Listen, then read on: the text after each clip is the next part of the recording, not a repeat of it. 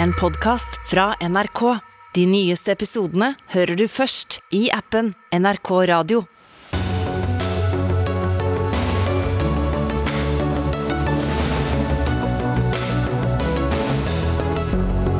I 49 dager var hun den nest beste søkeren til jobben som ny sentralbanksjef.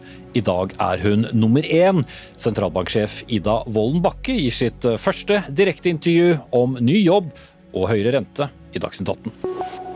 Tre toppmøter om Ukraina-krigen i Brussel på én dag. Det er én måned etter at russiske styrker startet invasjonen av Ukraina. Hvilket land er det som mottar mest i bistandspenger fra Norge? Vel, det er Norge selv, det. Det er fordi vi bruker penger fra bistandsbudsjettet til å ta imot ukrainske flyktninger.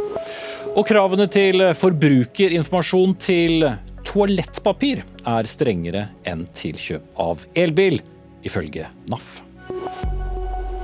Ja, da ønsker vi velkommen til Dagsnytt 18 torsdag. Jeg heter Espen Aas.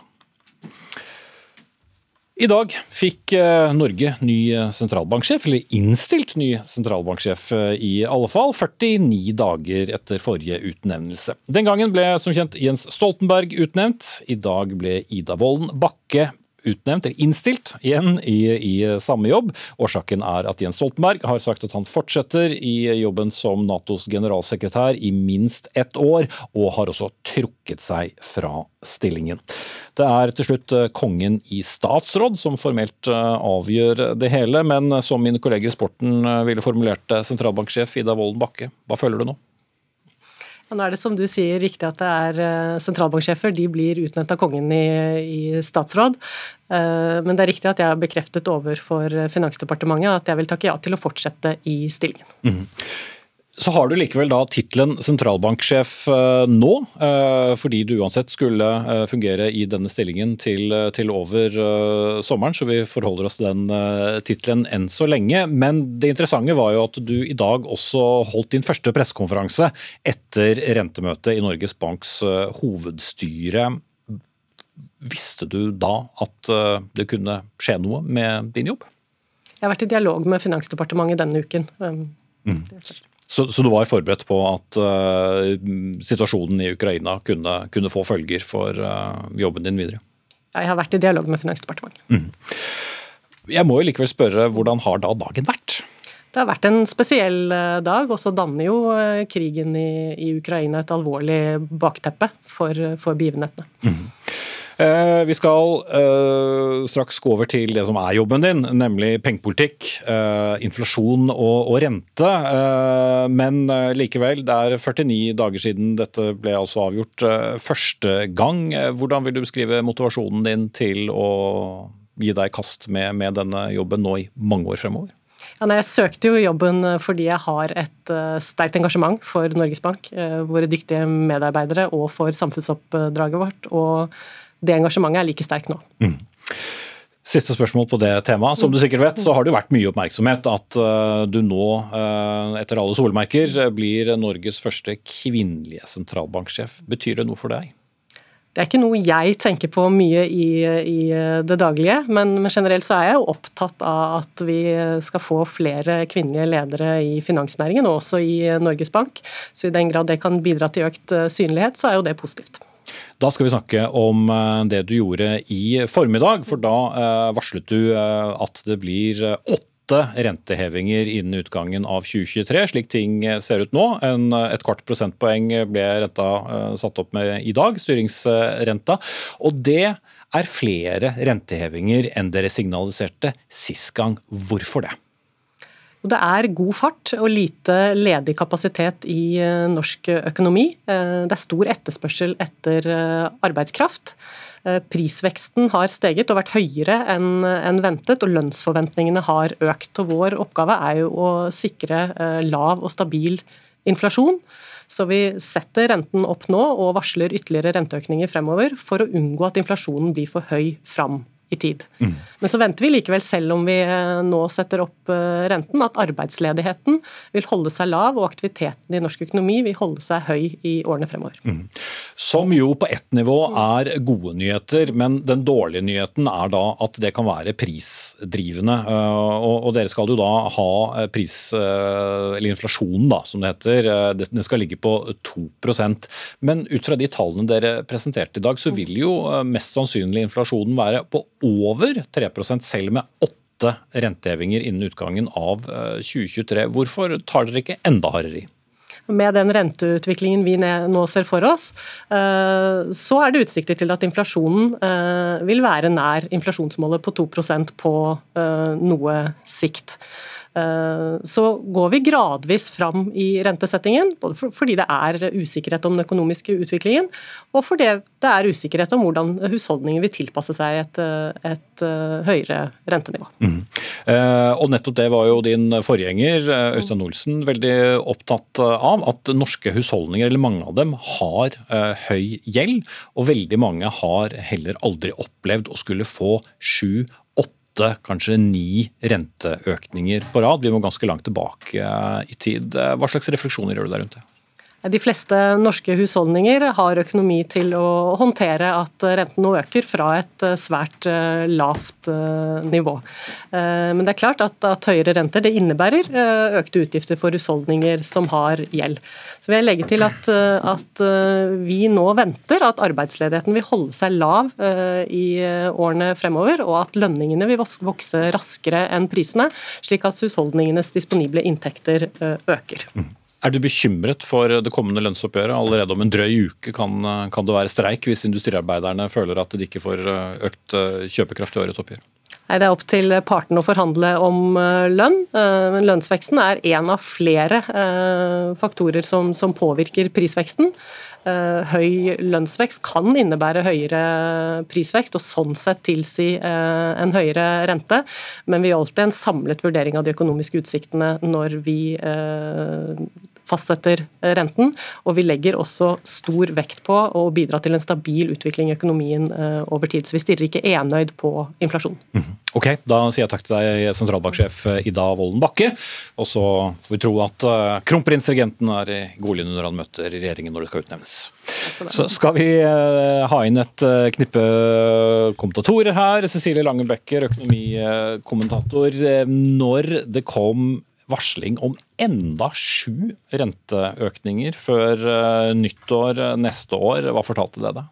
Det forteller jo eh, om at, det forteller at norsk økonomi er, altså det, er, det er press i økonomien. Det går veldig godt i norsk økonomi. Eh, det forteller også at Eh, man er nervøs for prisveksten som vi har sett spesielt de siste to månedene. Det skyldes jo bl.a. de høye energiprisene, men, men, det forteller om en bekymring. og Det var ganske voldsomt det må si at når du står med pressemeldingen i hånden der og ser liksom fasiten til slutt her, Nå kommer renten til ende på 2,5 bare, bare Som styringsrente og boliglånsrente kanskje da på 4% eller mer hos bankene? Ja, og det er, det er, det er et ganske dramatisk hopp opp. Eh, sånn at eh, jeg tror de aller fleste fikk en liten sånn OK, nå, nå er det alvor. Mm.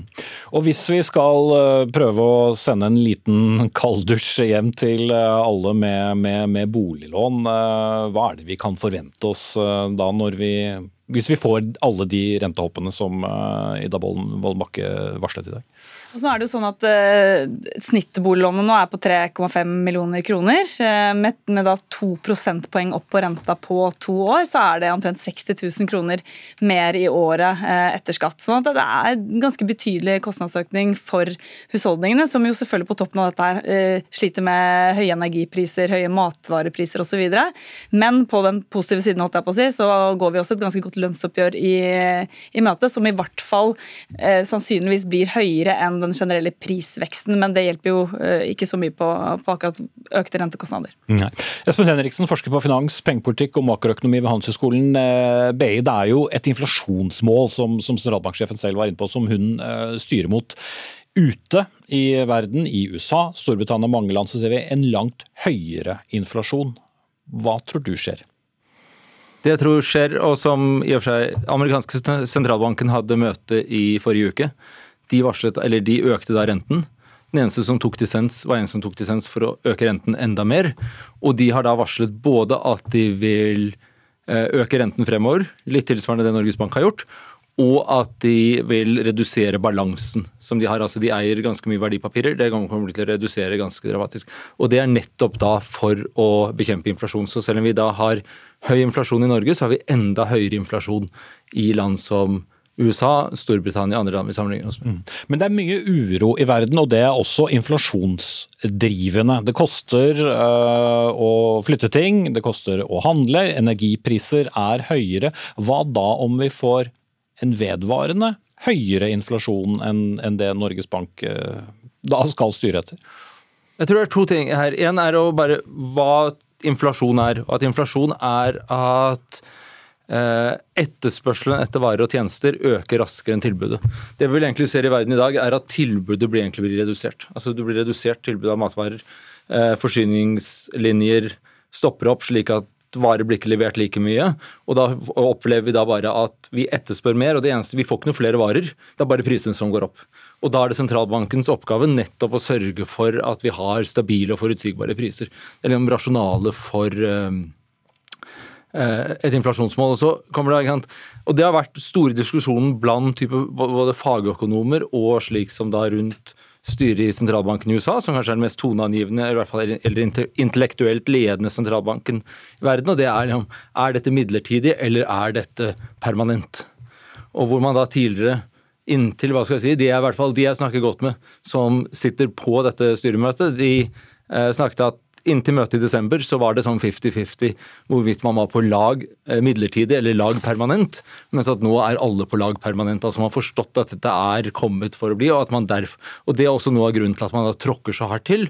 Og kanskje også noe av grunnen til at Norges Bank nå ikke bare har denne kvartingen nå, men at de da sier at de skal åtte til fremover. Mm. Vi skal rett og slett etterspørre mindre, og for å få til det så må, ha, må vi ha mindre å, å rutte med, Cecilie Lange Bekker. Ja, og så sa jo også Ida Wolden Bakke i dag at hvis det blir eh, permanent veldig mye høyere inflasjon, altså prisvekst, så er det rom for at denne rentebanen, altså denne prognosen som Norges Bank legger frem, at den kan bli enda høyere. sånn at uh, Det ligger jo også da en slags ikke en advarsel eller en, en slags sånn Vi kommer til å måtte sette den opp enda mer dersom dette fortsetter uh, lenge. sånn at det er jo også noe å ta med seg fra, fra det rentemøtet i dag. Mm. Men boligprisene, altså det er jo der nordmenn først og fremst har belånt seg. da. Hva skjer med de når rentene stiger? Vi har jo hatt en boligfest under pandemien fordi det har vært gratis å låne penger. Ja, og det, Man tror jo nå at boligprisveksten kommer til å avta både i år og neste år. Det mener Norges Bank. Og så er det også noen eh, økonomer nå som mener at, eh, at boligprisene nå kommer til, eller, til å faktisk eh, at det kommer til å bite så mye på boligprisene nå at det kommer til å føre til at Norges Bank ikke setter opp renten like mange ganger som de har sagt nå, at man heller kanskje går for seks rentehevinger. Men at det, at det er klart at dette kommer til å bite på den den helt ville boligprisveksten vi har hatt. Det tror jeg de aller fleste er enige om, både SSB og Norges Bank. Mm. Espen eh, Henriksen, det blir jo en, eh, det blir en upopulær sentralbanksjef, den Ida Wolden eh, Bakke, selv om hun bare gjør jobben sin. For det, folk kommer jo til å merke dette. Men jeg tror det er litt viktig, og det er jo i og for seg bakgrunnen i dag med at Ida Wolden Bakke satt her, at vi hadde debatten om Stoltenberg. Og da var det jo hva er sentralbankens rolle, og det er nettopp det at uavhengigheten til Norges Bank er nettopp uavhengighet til å kunne gjennomføre et mandat. Det er ikke til å drive politikk selv. Og det er nettopp da uavhengighet for å kunne gjennomføre kanskje upopulære beslutninger, eller beslutninger som vil være politisk upopulære. Mm. Ok, vi eh, setter strek der. Espen Henriksen, forsker ved BI. Cecilie Lange Bekker, økonomikommentator her i eh, NRK. Vi skal ikke skifte tema helt, men litt.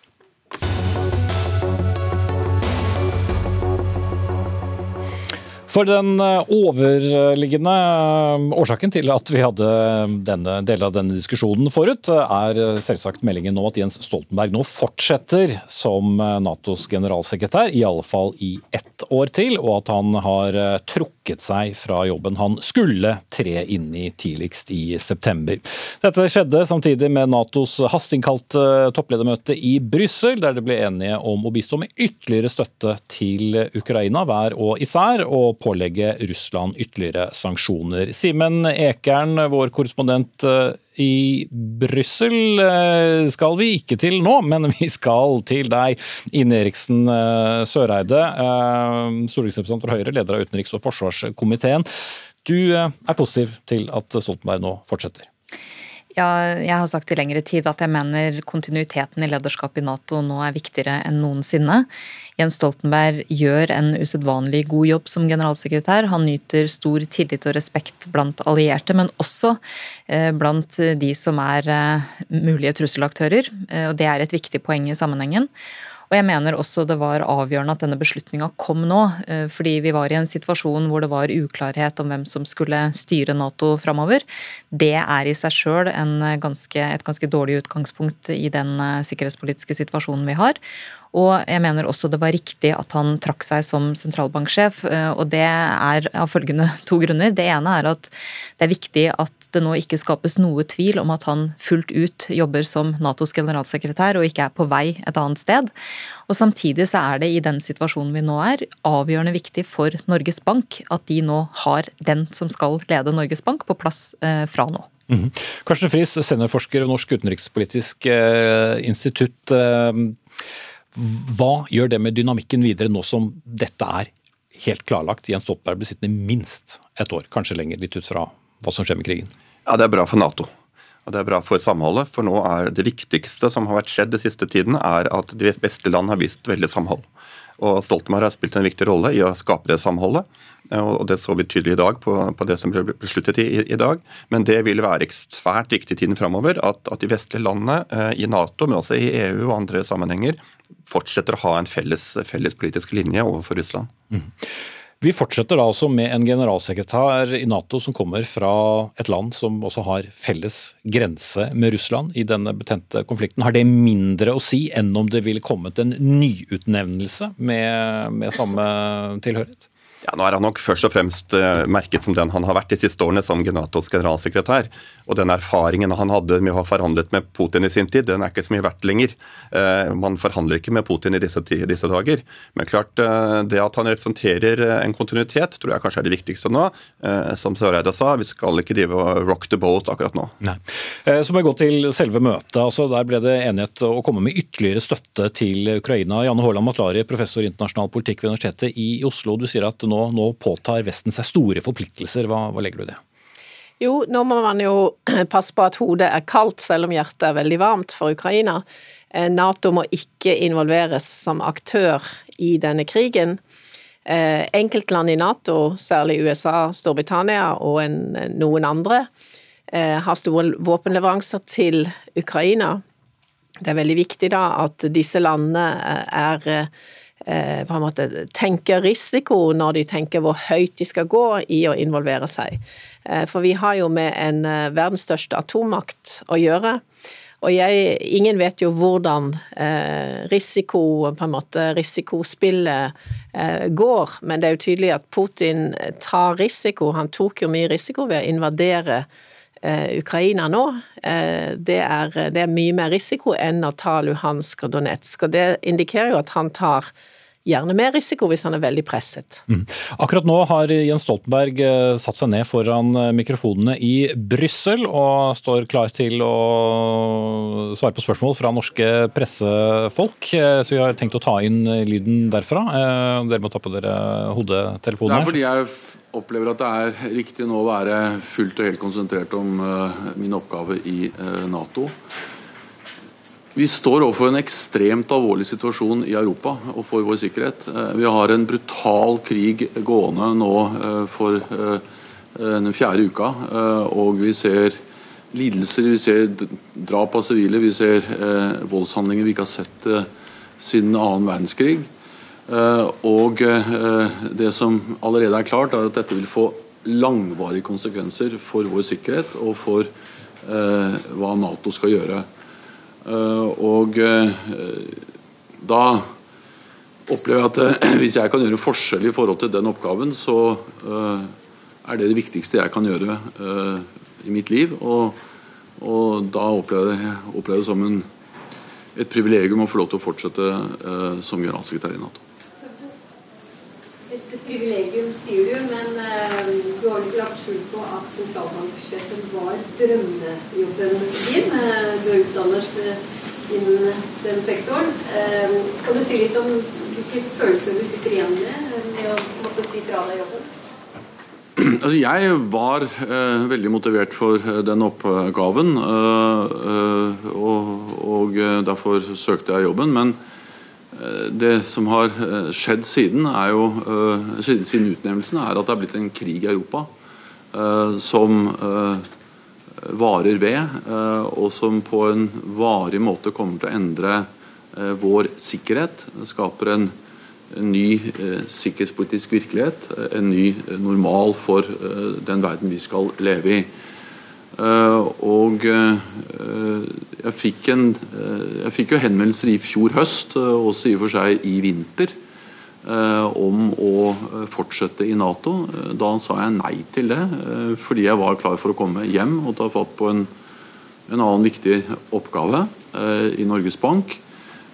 Men da Russland invaderte Ukraina, og det begynte å komme på nytt henvendelser og oppfordringer om å fortsette, så følte jeg at uh, situasjonen var slik at det var ikke mulig, at jeg ikke hadde noe valg enn å fortsette i Nato. Og da mener jeg at det riktige er meg å være fullt og helt til stede i Nato.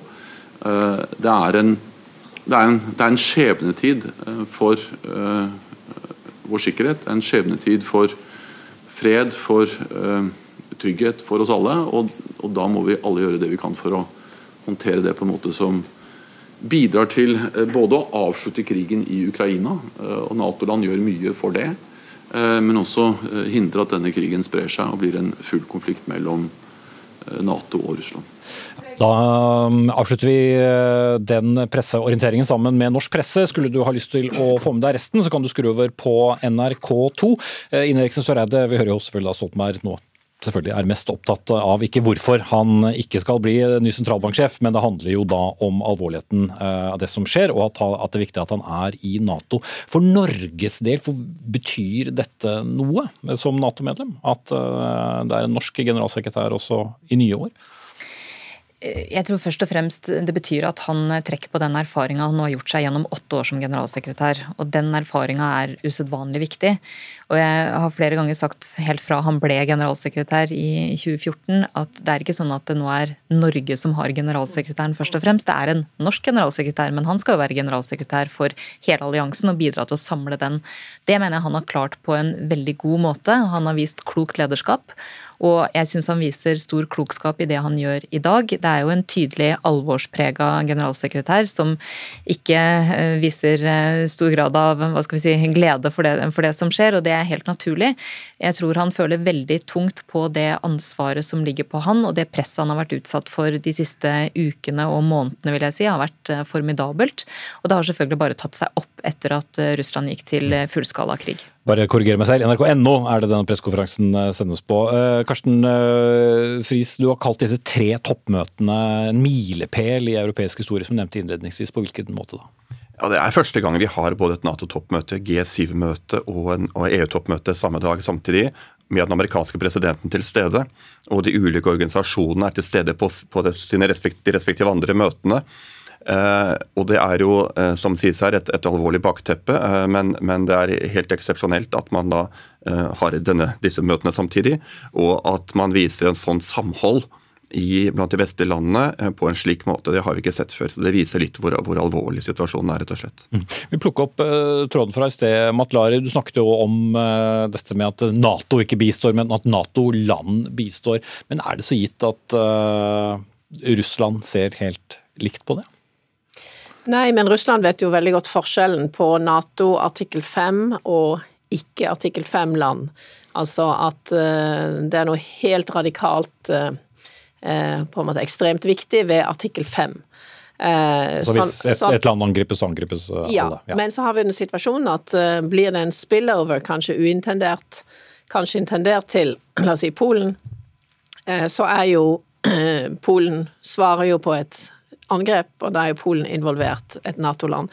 Så her er det jo veldig, veldig vanskelig å kunne si vi bracket out Nato. De sitter på sidelinjen, og så kan forskjellige land gjøre som de vil. Så her må man jo ha en, en vestlig strategi som eh, legger veldig vekt på at eh, enkeltland ikke blir involvert, og at man ikke går for høyt opp i våpenleveranser, ikke flagger det for mye osv. Fordi det er jo opp til Putin å tolke eh, dette bildet, da, om man er involvert. Man har, etter folkeretten kan man jo være involvert ved å hjelpe et annet land som er angrepet, det er jo artikkel 51. Men her er det jo eksistensen av kjernevåpen som begrenser hva man kan gjøre. Mm. Og Vi ser jo Joe Biden har kommentert nettopp det. Vi hadde en ganske aktiv Boris Johnson på, på talerstolen og rett før pressekonferansen til, til, eh, Jens Stoltenberg. Og nettopp hva disse landene sier, og ordbruken også fra USAs eh, president, er jo viktig. Ja, den er veldig viktig. Og det er også veldig viktig det samholdet Nato nå viser på en så tydelig måte. Det er jo ikke en allianse som er uten interne spenninger. Det har vi sett i mange sammenhenger. De er jo nå på samme måte som i EU egentlig fordufta de siste ukene, noe som jeg syns er et veldig positivt eh, tegn. Og jeg mener det er viktig de signalene som gis om at eh, både alliansen står fullt og helt bak Jens Stoltenberg nå, som de har gjort i åtte år, men at han også nå fullt ut eh, er dedikert til kun dette oppdraget, og det sier han jo veldig tydelig sjøl òg. Og på sett og vis så har jo Russlands aggresjon mot Ukraina prega hele hans generalsekretærperiode. Jo, han kom jo inn, eller han tok jo beslutninga og ble jo valgt i det eh, Russland annekterte Krim. Eh, og dette har da fulgt han gjennom hele hans generalsekretærperiode prega mye av tankegangen, tror jeg. Og ikke minst har det vært viktig for alle de endringene som er gjort i Nato for å forsterke Nato som både politisk og militær allianse. Det er jo et arbeid Norge har stått i spissen for sammen med andre nære allierte. Og jeg tror at all den erfaringa han har trukket av eh, både interaksjonen med russerne, måten eh, amerikanerne har håndtert alliansen på, det at de er tilbake så sterkt nå, det mener jeg er en ubetinga styrke for alliansen i den ekstremt krevende situasjonen vi er i Europa nå. Mm. Men uh Friis, eh, nettopp det presset da, som kan komme i, innad da, politisk i hvert Nato-land, f.eks. I, i Washington mot Biden med, med, å vise eh, enda mer styrke. Hvordan eh, skal han da balansere det? Fordi dette spørsmålet om, om kjernevåpen er jo oppe mm. nærmest daglig. Det er helt klart det er et press på, på Biden. Det er, det er mange på, på republikansk side og også andre som ønsker å være tøffere i klypa med, med, med, mot, mot, Russland. Altså Vi ikke helt, helt ser den kjernefysiske dimensjonen som, som Janne var inne på her i stad også. Um, så det blir krevende, fordi at det er ingen i Nato som ønsker å gå inn i en flyforbudssone eller på en måte involvere seg militært. Det må være veldig tydelig på. Uh, så, så, men, så, Biden må vise styrke og være tøff, samtidig som han må holde tilbake mot disse, disse kreftene som ønsker det her. Jeg tror han klarer det, for det, det, er, det er ganske dramatisk å kunne gå inn militært. Eh, da måtte det skje noe veldig eksepsjonelt i krigen i Ukraina. altså at Hvis Russland begynte å bruke kjernevåpen, eller noe sånt, men vi er ikke der i det hele tatt. Så, så det, det, ser, jeg ikke, ser jeg ikke komme med det første.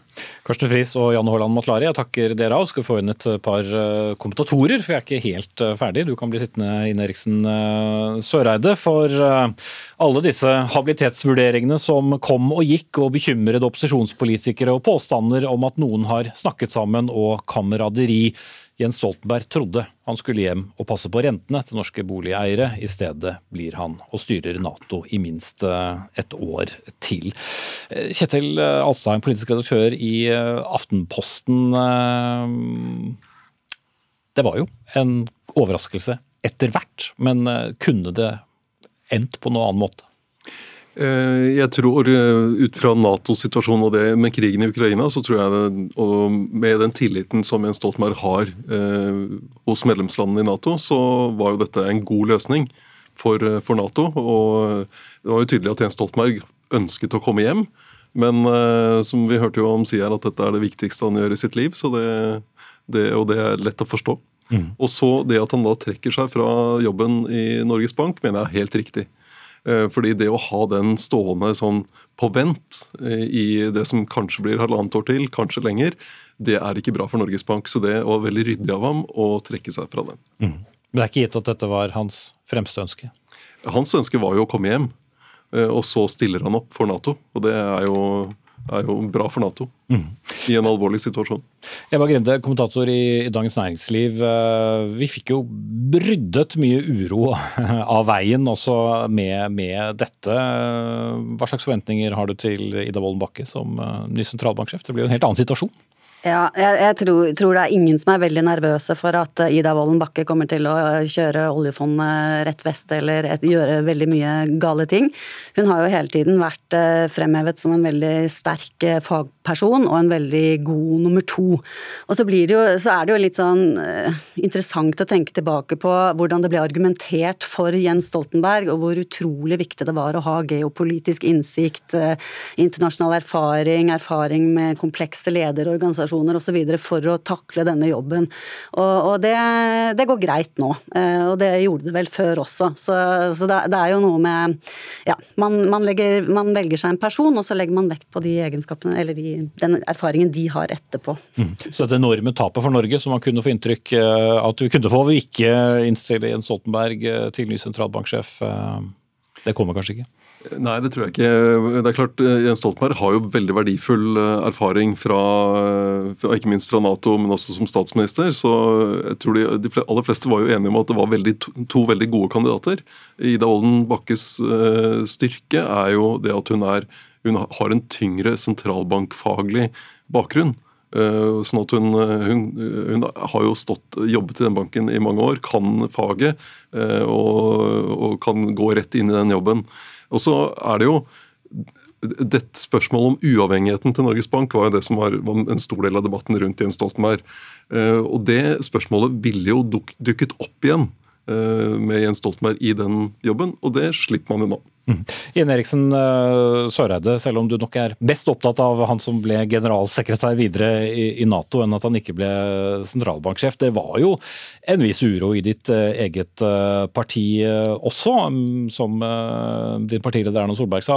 Gir inntrykk av at noen har snakket sammen. Er det, er det bra for den politiske situasjonen at vi ikke nå flere ganger skal stille disse spørsmålene om hvor uavhengig sentralbanksjefen er jo ikke?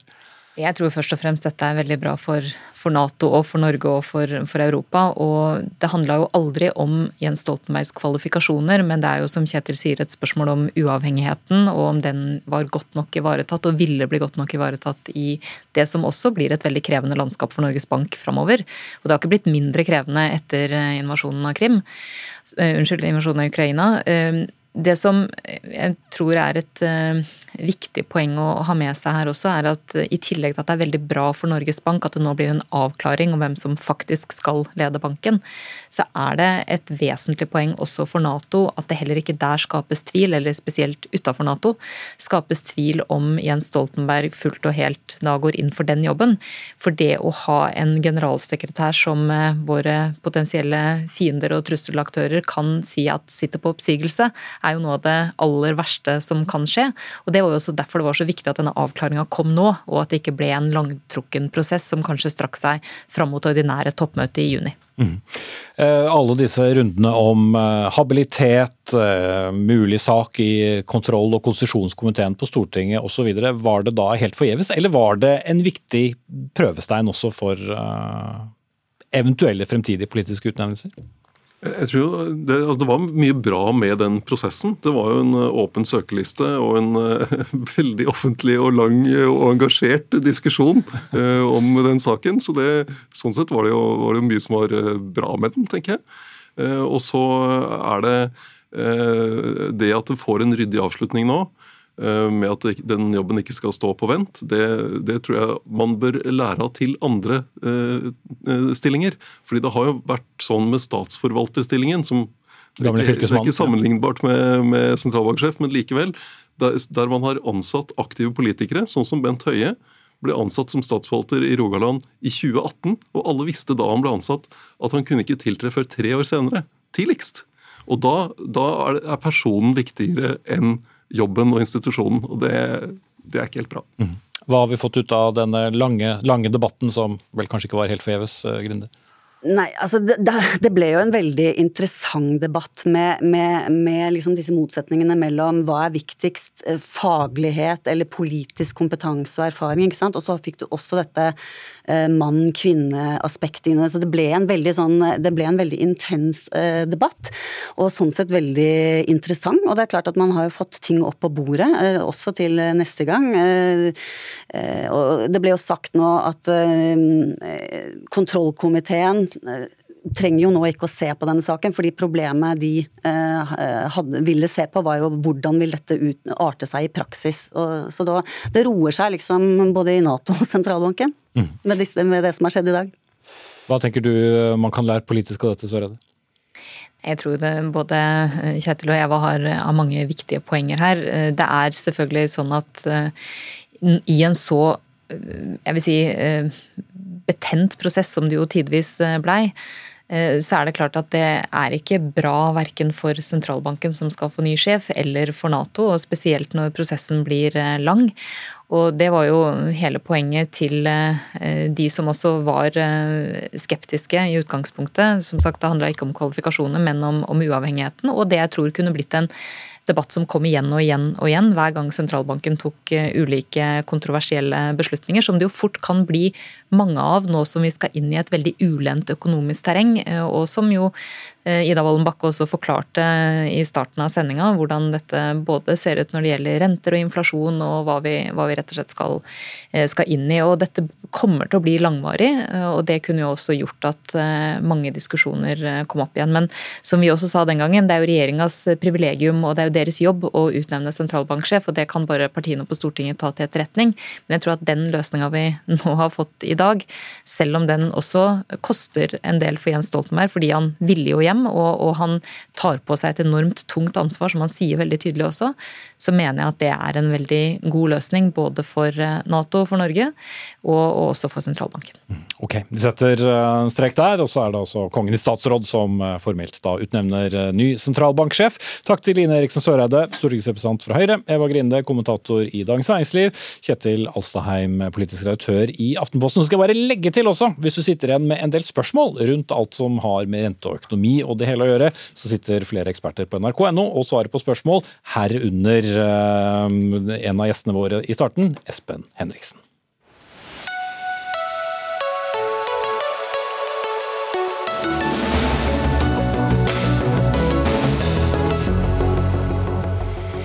Det skal handle om eh, penger og for så vidt eh, Ukraina-krigen nå også. Alle er enige om at vi må gi bistand til Ukraina, men hvor skal pengene hentes fra, og hvor skal pengene brukes? Det største mottakerlandet for norsk bistand nå er faktisk Norge selv. Og Det er fordi utgiftene til å bosette eh, asylsøkere det første året tas fra bistandsbudsjettet. Diskusjonen om bistandspengene har rast. Flere stortingspartier åpner for å kanskje bevilge ekstra beløp pga. flyktningstrømmen. Dette har Bistandsaktuelt skrevet flere saker om, og i ettermiddag eh, kom det da bekreftet eh, et tall på at minst 9000 har flyktet også til Norge. Jan Egeland, generalsekretær i Flyktninghjelpen, du er med oss direkte på linje fra Warszawa. Det er altså allerede blitt eh, foreslått bevilget to milliarder kroner i ekstra bistand pga. krigen i Ukraina. Godt utgangspunkt? Ja, jeg er på vei til Warszawa for å åpne et svært uh, flyktningsenter der med ordføreren i Warszawa. De norske hjelpeorganisasjonene er blant de største aktørene nå i hjelpearbeidet for Ukraina. Eh, vel, vi, vi, er nå redde som hjelpeorganisasjoner. De, de, norske organisasjonene og Norge som humanitær aktør er blant de viktigste i verden i humanitært arbeid. Vi trenger forutsigbarhet. Så Vi var glade da statsminister Støre sa nå kommer det to milliarder, og det skal komme, slik vi tolket det, på toppen av bistandsbudsjettet, fordi krigen i Europa kom på toppen av verdens helt ufattelige utfordringer. Nå er det stor usikkerhet. Skal disse pengene gå fra bistandsbudsjettet? De som skal til Ukraina. Skal det også være slik at norske kommuner skal få bistandspenger, som da eventuelt skal ta fra Afghanistan og Somalia og Kongo og, og verdens fattigste land? Denne usikkerheten den trenger vi ikke. Så vi må få Stortinget og regjeringen til å si selvsagt skal Norge, som skal tjene tusener av milliarder nå på økt oljepris og gasspris, ikke, eh, ikke framstå som en krigsprofitør. Vi skal framstå som en humanitær stormakt både i Ukraina og andre steder. Eh, bare for å ta Det rent praktisk, det er jo ikke sånn at det ikke var eh, humanitære kriser før krigen i Ukraina, Egeland. Men hva blir ringvirkningene da på andre land når vi får plutselig en krig i Europa? Det blir mye verre i Afghanistan, Jemen, Syria og de, alle de stedene hvor titalls millioner står på kanten av stupet. Ingen snakker lenger om Afghanistan, men jeg kan fortelle at våre 1400 hjelpearbeidere der sier at nå har sulten begynt. Eh, etter at norske soldater og diplomater har forlatt landet. Så konsekvensene av Ukraina-krigen ble ikke bare at penger kan bli omfordelt fra disse fattigste landene. Men også at drivstoffprisene går rett i været. Brødprisene går rett i, verden, eh, i, vær, eh, i været. Så en familie som lever på én dollar dagen og bruker 80 cent av det til det daglige brød, har ikke mat på bordet hvis brødprisen går dobles. Og det gjør den nå pga. at Ukraina-hveten og til dels eh, Russlands hveten forsvinner fra verdensmarkedet. Og forsvinner fra disse landene. Takk skal du ha, Jan Egeland, generalsekretær i Flyktninghjelpen. Dag Inge Ulstein, utenrikspolitisk talsperson i KrF og tidligere utviklingsminister. Hvis vi går tilbake til åpningspoenget, at Norge altså er største mottakerland for norsk bistand. Eh, hvordan fungerer dette? Eh, skal det være sånn? Ja, Det er jo en smått absurd situasjon. da. Først må jeg bare si at det er klart at Vi er utålmodige både når det gjelder å få mer midler og fleksibilitet og få handling i Ukraina der behovet er stort, men det kan ikke være sånn at vi da skal eh, ja, for å si det litt enkelt, da, tra fra sultramma i Øst-Afrika og sende de pengene til mottak i Østfold. For Det er jo det som faktisk blir konsekvensen. og Vi hører her fra Egeland og Flyktninghjelpen andre humanitære kriser tar altså ikke pause. Eh, der er behov for økt klimafinansiering. Det går jo til en humanitær eh, krise. altså Vi tar jo imot eh, nå allerede minst 9000 flyktninger, mm. så det er jo penger som er veldig Altså Hvis Norge og andre giverland gjør det, altså 9000, sier at tallet blir 35 45 000, så er det altså snakk om godt over 10 milliarder. og Det er klart at det vil få dramatiske konsekvenser for utdanning i krig og konflikt, for matsikkerhet, for viktig klimaarbeid. Um, og så er det jo en én-til-én én-relasjoner mellom faktisk de inntektene vi har, og det som eh, driver prisene ute. Og Da er det organisasjoner da, som Flyktninghjelpen, Verdens matvareprogram, Unicef, som nå koordinerer arbeidet i Ukraina. De har jo høyere drivstoffpriser, høyere matvarepriser. Så det, pengene når jo ikke like langt som før. Og så skal altså vi på toppen av det kutte i det livsviktige arbeidet. Sant? Så det er, og vi har ikke fått tydelige svar fra regjeringa på det. Vi har hørt fra utviklingsministeren sagt ja, det er en god idé, jeg håper det skjer, men vi må jo få vite hva som er planen. Dagsnytt 18 hjelper deg. Anne Beate Tvinnereim, du er utviklingsminister fra Senterpartiet. Hva svarer du din forgjenger? Jo, For det første så er det viktig å understreke at, eh, og det vet Ulstein godt, eh, de humanitære midlene, altså 1,75 milliarder som vi har nå bevilget til humanitær innsats i Ukraina og nabolandene, det eh, er ekstraordinære midler som bevilges på toppen av eksisterende budsjett. Eh, og det, eh, de pengene er jo allerede i ferd med å utbetales. Så Flyktninghjelpen, Røde Kors, FN har jo allerede fått disse pengene inn på konto, og har i flere uker allerede klart å levere på bakken i Ukraina. Så la det ikke være noen tvil om at disse pengene er ekstraordinære. Men så har vi jo en utfordring i forhold til eh, eh, flyktningkostnadene, som det helt riktig påpekes. Men, eh, I Norge? Ja. Fordi, eh, dette, men dette er jo ikke noe nytt. Dette skjedde jo også under Ulsteins tid. Også på Ulsteins budsjett så var det midler som ble utbetalt til flyktningkostnader i Norge. Det har var det greit? regjeringer. Det, som, det vi diskuterer nå, er jo på en måte dimensjonen, fordi at det kommer veldig mange flyktninger på samme tid.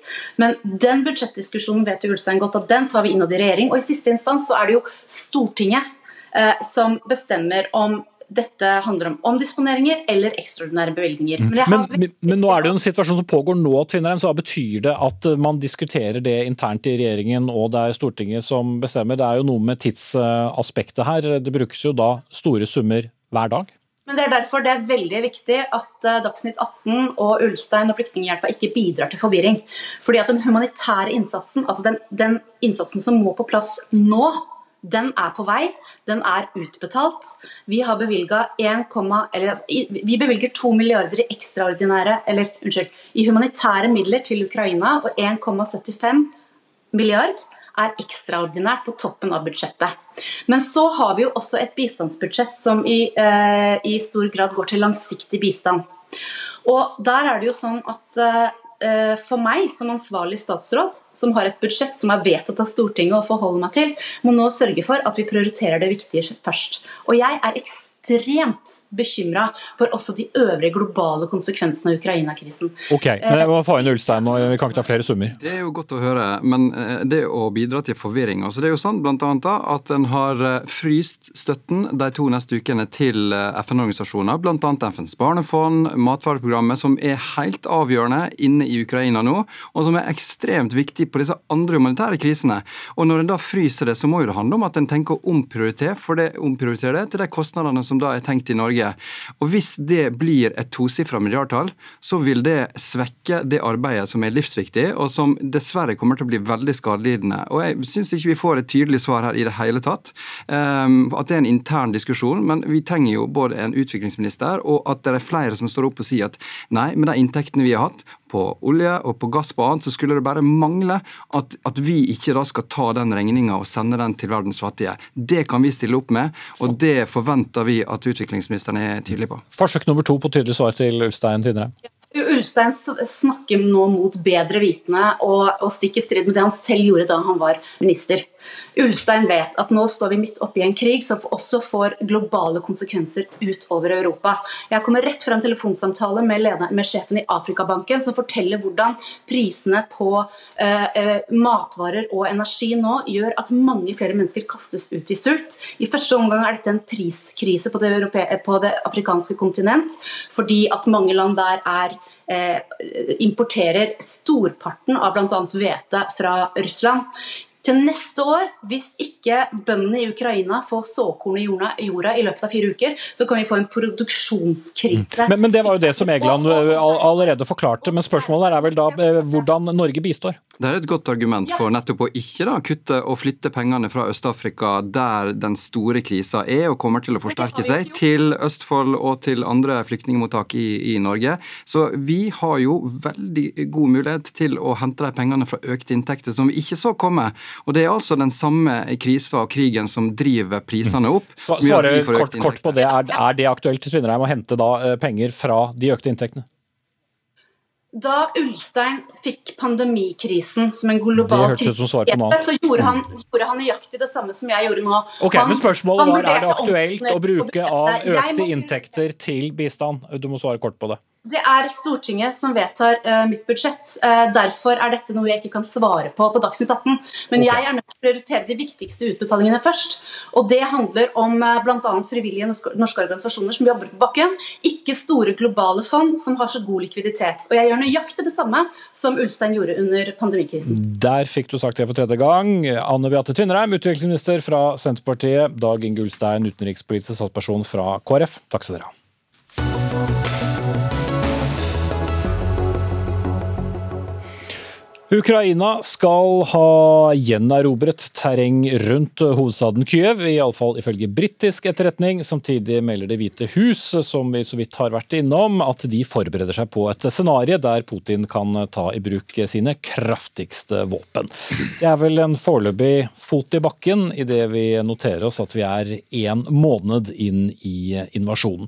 I forkant av krigen blir det diskutert hvordan vi kunne stole på amerikansk etterretning, om Russland egentlig ville forhindre forhindre et Nato-medlemskap, og om et russisk angrep bare kom til å bli rettet mot Øst-Ukraina. Flere av dem som trodde at Putin ville invadere Ukraina, spådde en lynkrig som ville ta noen dager høyst et par uker. Men her sitter vi da, en måned inn i det. Geir Hågen Karlsen, oberstløytnant ved Forsvarets høgskole. Har dine analyser endret seg mye i løpet av denne måneden? Det mest overraskende var nok at russerne hadde en totalt urealistisk angrepsplan, eh, hvor de skulle med lette styrker eh, skulle overta Ukraina eh, i løpet av noen få dager og få alt til å kollapse som på Krim. Det var helt feil. Det er vel den mest største overraskelsen. For øvrig så har nok kvaliteten på russiske styrker vært lavere enn det vi trodde. Mm. Ifølge britisk etterretning som jeg var inne på i morges, så har Ukraina altså økt presset på de russiske styrkene rundt hovedstaden, og skal da ha klart å, å gjenerobre flere forsteder. Eh, hva betyr det? En Jeg tror det er eh, litt tidlig å konkludere. Eh, de kampene har bølget fram og tilbake siden dag én i akkurat dette området. Så får vi se om ukrainerne er i stand til å iverksette en mer omfattende motoffensiv. Det har vært mindre motangrep mange ganger, og så har de også noen ganger blitt slått tilbake. Så vil gjerne få noen dager til før vi konkluderer på det. Men eh, vi tror nok ikke det blir noen sånn veldig store endringer det aller første. Mm. Så Vi var inne på tidligere i, i, sendingen, så sier jo da flere Nato-land at de også skal øke hjelpen. Men altså, hvor, hvor, avgjørende er disse våpenleveransene og utstyrsleveransene fra, fra flere Nato-land? Det er klart det er helt avgjørende at de, at de har tilgang på mer ammunisjon og våpen. Eh, de hadde et stor eh, reservestyrke på mange hundre tusen mann. Eh, med veldig lite utrustning. Eh, og så er det jo i tillegg sånn at uh, ammunisjon og våpen forbrukes jo i høy takt hver eneste dag, så, så det er kritisk viktig. Mm. Så har uh, Ukrainas president Zelenskyj uh, i dag anklaget Russland for å bruke fosforbomber som skal ha drept voksne og barn, ifølge ham. hvis dette er riktig at det brukes fosforbomber, er det det samme som at det brukes kjemiske våpen? Nå er du inne på et litt komplekst juridisk og teknisk spørsmål som jeg tror jeg sier pass på. Men fosforbomber, altså det er ikke det samme som altså Jeg skjønner at dette er vanskelig. Det er jo... ja, det er derfor jeg tror jeg sier pass, for da måtte jeg ha studert mye grundigere. Det er litt langt utenfor mitt fagområde. Okay. Beklager. Det er i orden. Eh, en måned er altså gått. Eh, krigen fortsetter med uforminsket styrke, mer eller mindre, ser det ut til. Hva kommer du til å følge spesielt med på i nærmeste fremtid? Jeg tror det er tre ting som er eh, veldig interessante. Det ene er om russerne klarer å stable opp beina nok styrker til å iverksette en større motoffensiv. Eh, de rekrutterer og mobiliserer og flytter det de har, eh, men vi er usikre på hvor mye det er, om det er tilstrekkelig til et større motangrep og større ta over Kiev f.eks., noe som er en lang, langt større oppgave enn Mariupol, hvor de har slåss i mange uker. Eh, det andre er om det skjer noe med masseødeleggelsesvåpen, kjemiske, biologiske våpen. Da har vi en helt annen situasjon. Eh, og Det er jo et stort politisk tema hvordan Nato skal håndtere det. Sikker på at det har vært diskutert blant regjeringssjefene i eh, toppmøtet nå. Eh, og det tredje her er jo om det plutselig skulle komme noen diplomatiske og politiske løsninger. Fordi vi er langt fra en avgjørelse på slagmarken. Eh, men det kan være at partene ser at kostnadene er høyere og mulighetene for suksess er mindre. Mm. De ville vært veldig positivt, men eh, jeg er jo langt ifra så optimistisk at jeg tror det skjer. Men det hadde vært veldig bra. Fare for at vi kommer til å møtes i dette studioet igjen, Geir Hågen Karlsen, oberstløytnant ved Forsvarets høgskole. Takk skal du ha.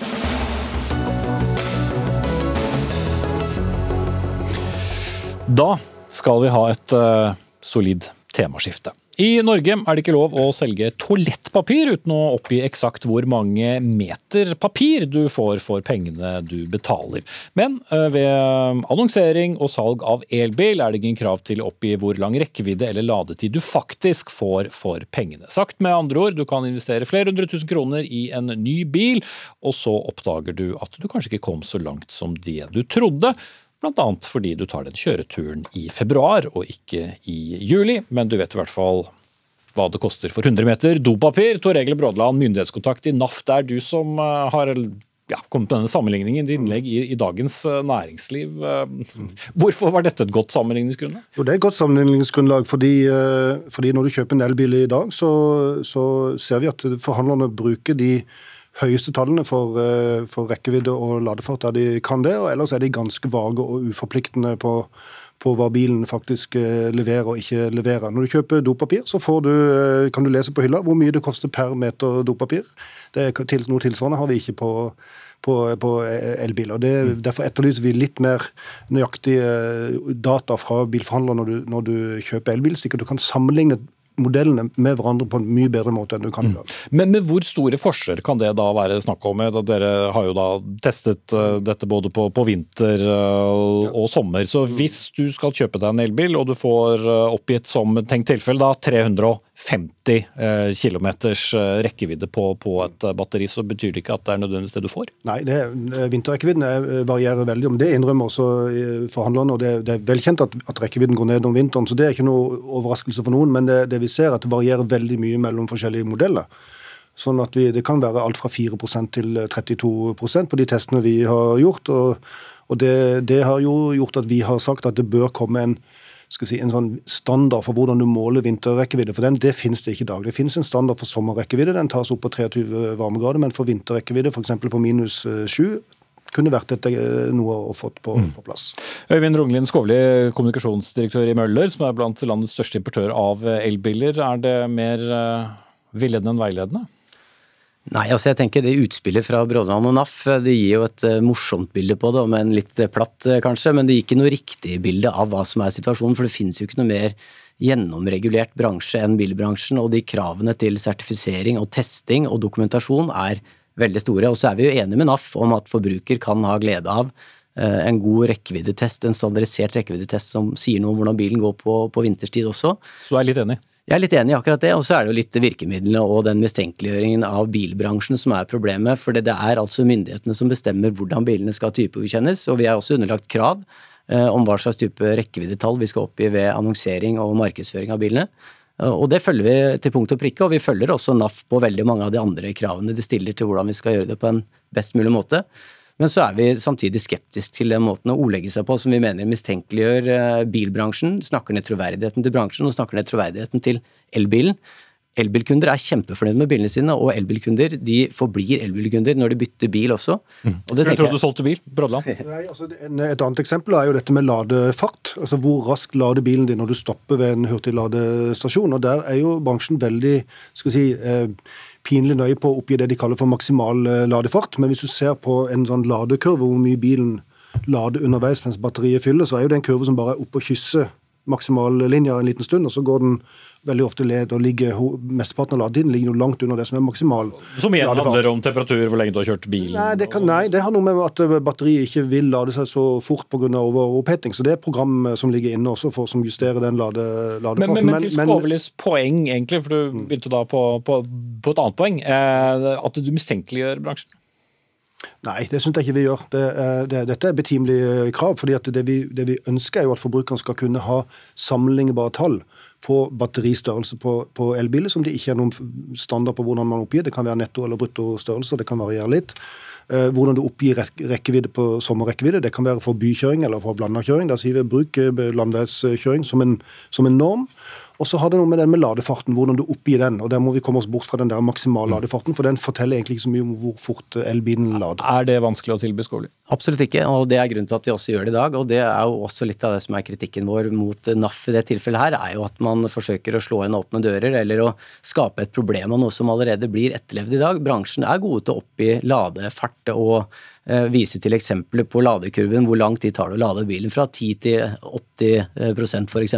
Men NAF sa noe helt annet akkurat nå, enn at dere var gode på det? Det er helt riktig, og det er litt av det som er mitt poeng. Da. Vi er stort sett enig i hva bransjen bør og skal gjøre, og bør gjøre mer av i fremtiden. Eh, og så er vi jo der at vi allerede praktiserer det, og bransjen er åpen og ærlig i møte med kunden om disse tingene.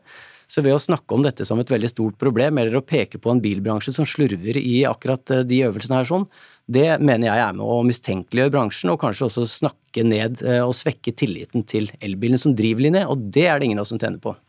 Nei, Vi er ikke ute etter å svekke elbilen som drivlinje. Vi har også tall som viser at elbilister, når de først har gått over til elbil, så, de, så blir de værende der. Så de medlemmene vi har som har elbil, er veldig fornøyde med det. Så dette er ikke vår mission. Dette er jo snarere tvert imot et forsøk på å få folk til å få tak i sammenlignbar informasjon mellom ulike modeller. Hvis du kjøper en elbil, så er det, så er det noen som sier ok, denne her lader opp fra 10 til på så lang tid. Denne her lader fra 20 til 80, denne lader fra 30 til 80. Denne her kjører 20 mil hvis du lader 15 minutter. Altså du, det å sammenligne ladefart som et annet eksempel er det finnes ikke noe standard for det i dag, og det er også et av de tingene Svare veldig kort på det, 15 sekunder. Skovle. Veldig kort. Eh, det finnes ikke noen gode standarder på alle disse tingene i dag, men allikevel har bransjen funnet sammen om standarder som vi i bransjen frivillig sørger for å navigere etter for å gi forbrukeren mest mulig og best mulig sammenlignbar informasjon. Så der er bransjen god allerede. Ja, det er ikke helt uh, riktig. Nei.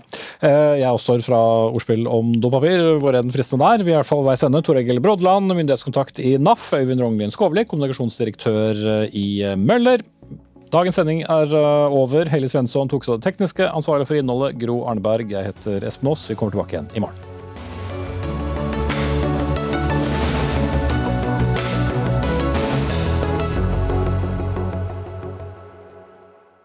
Du har hørt en podkast fra NRK. De nyeste episodene hører du først i appen NRK Radio.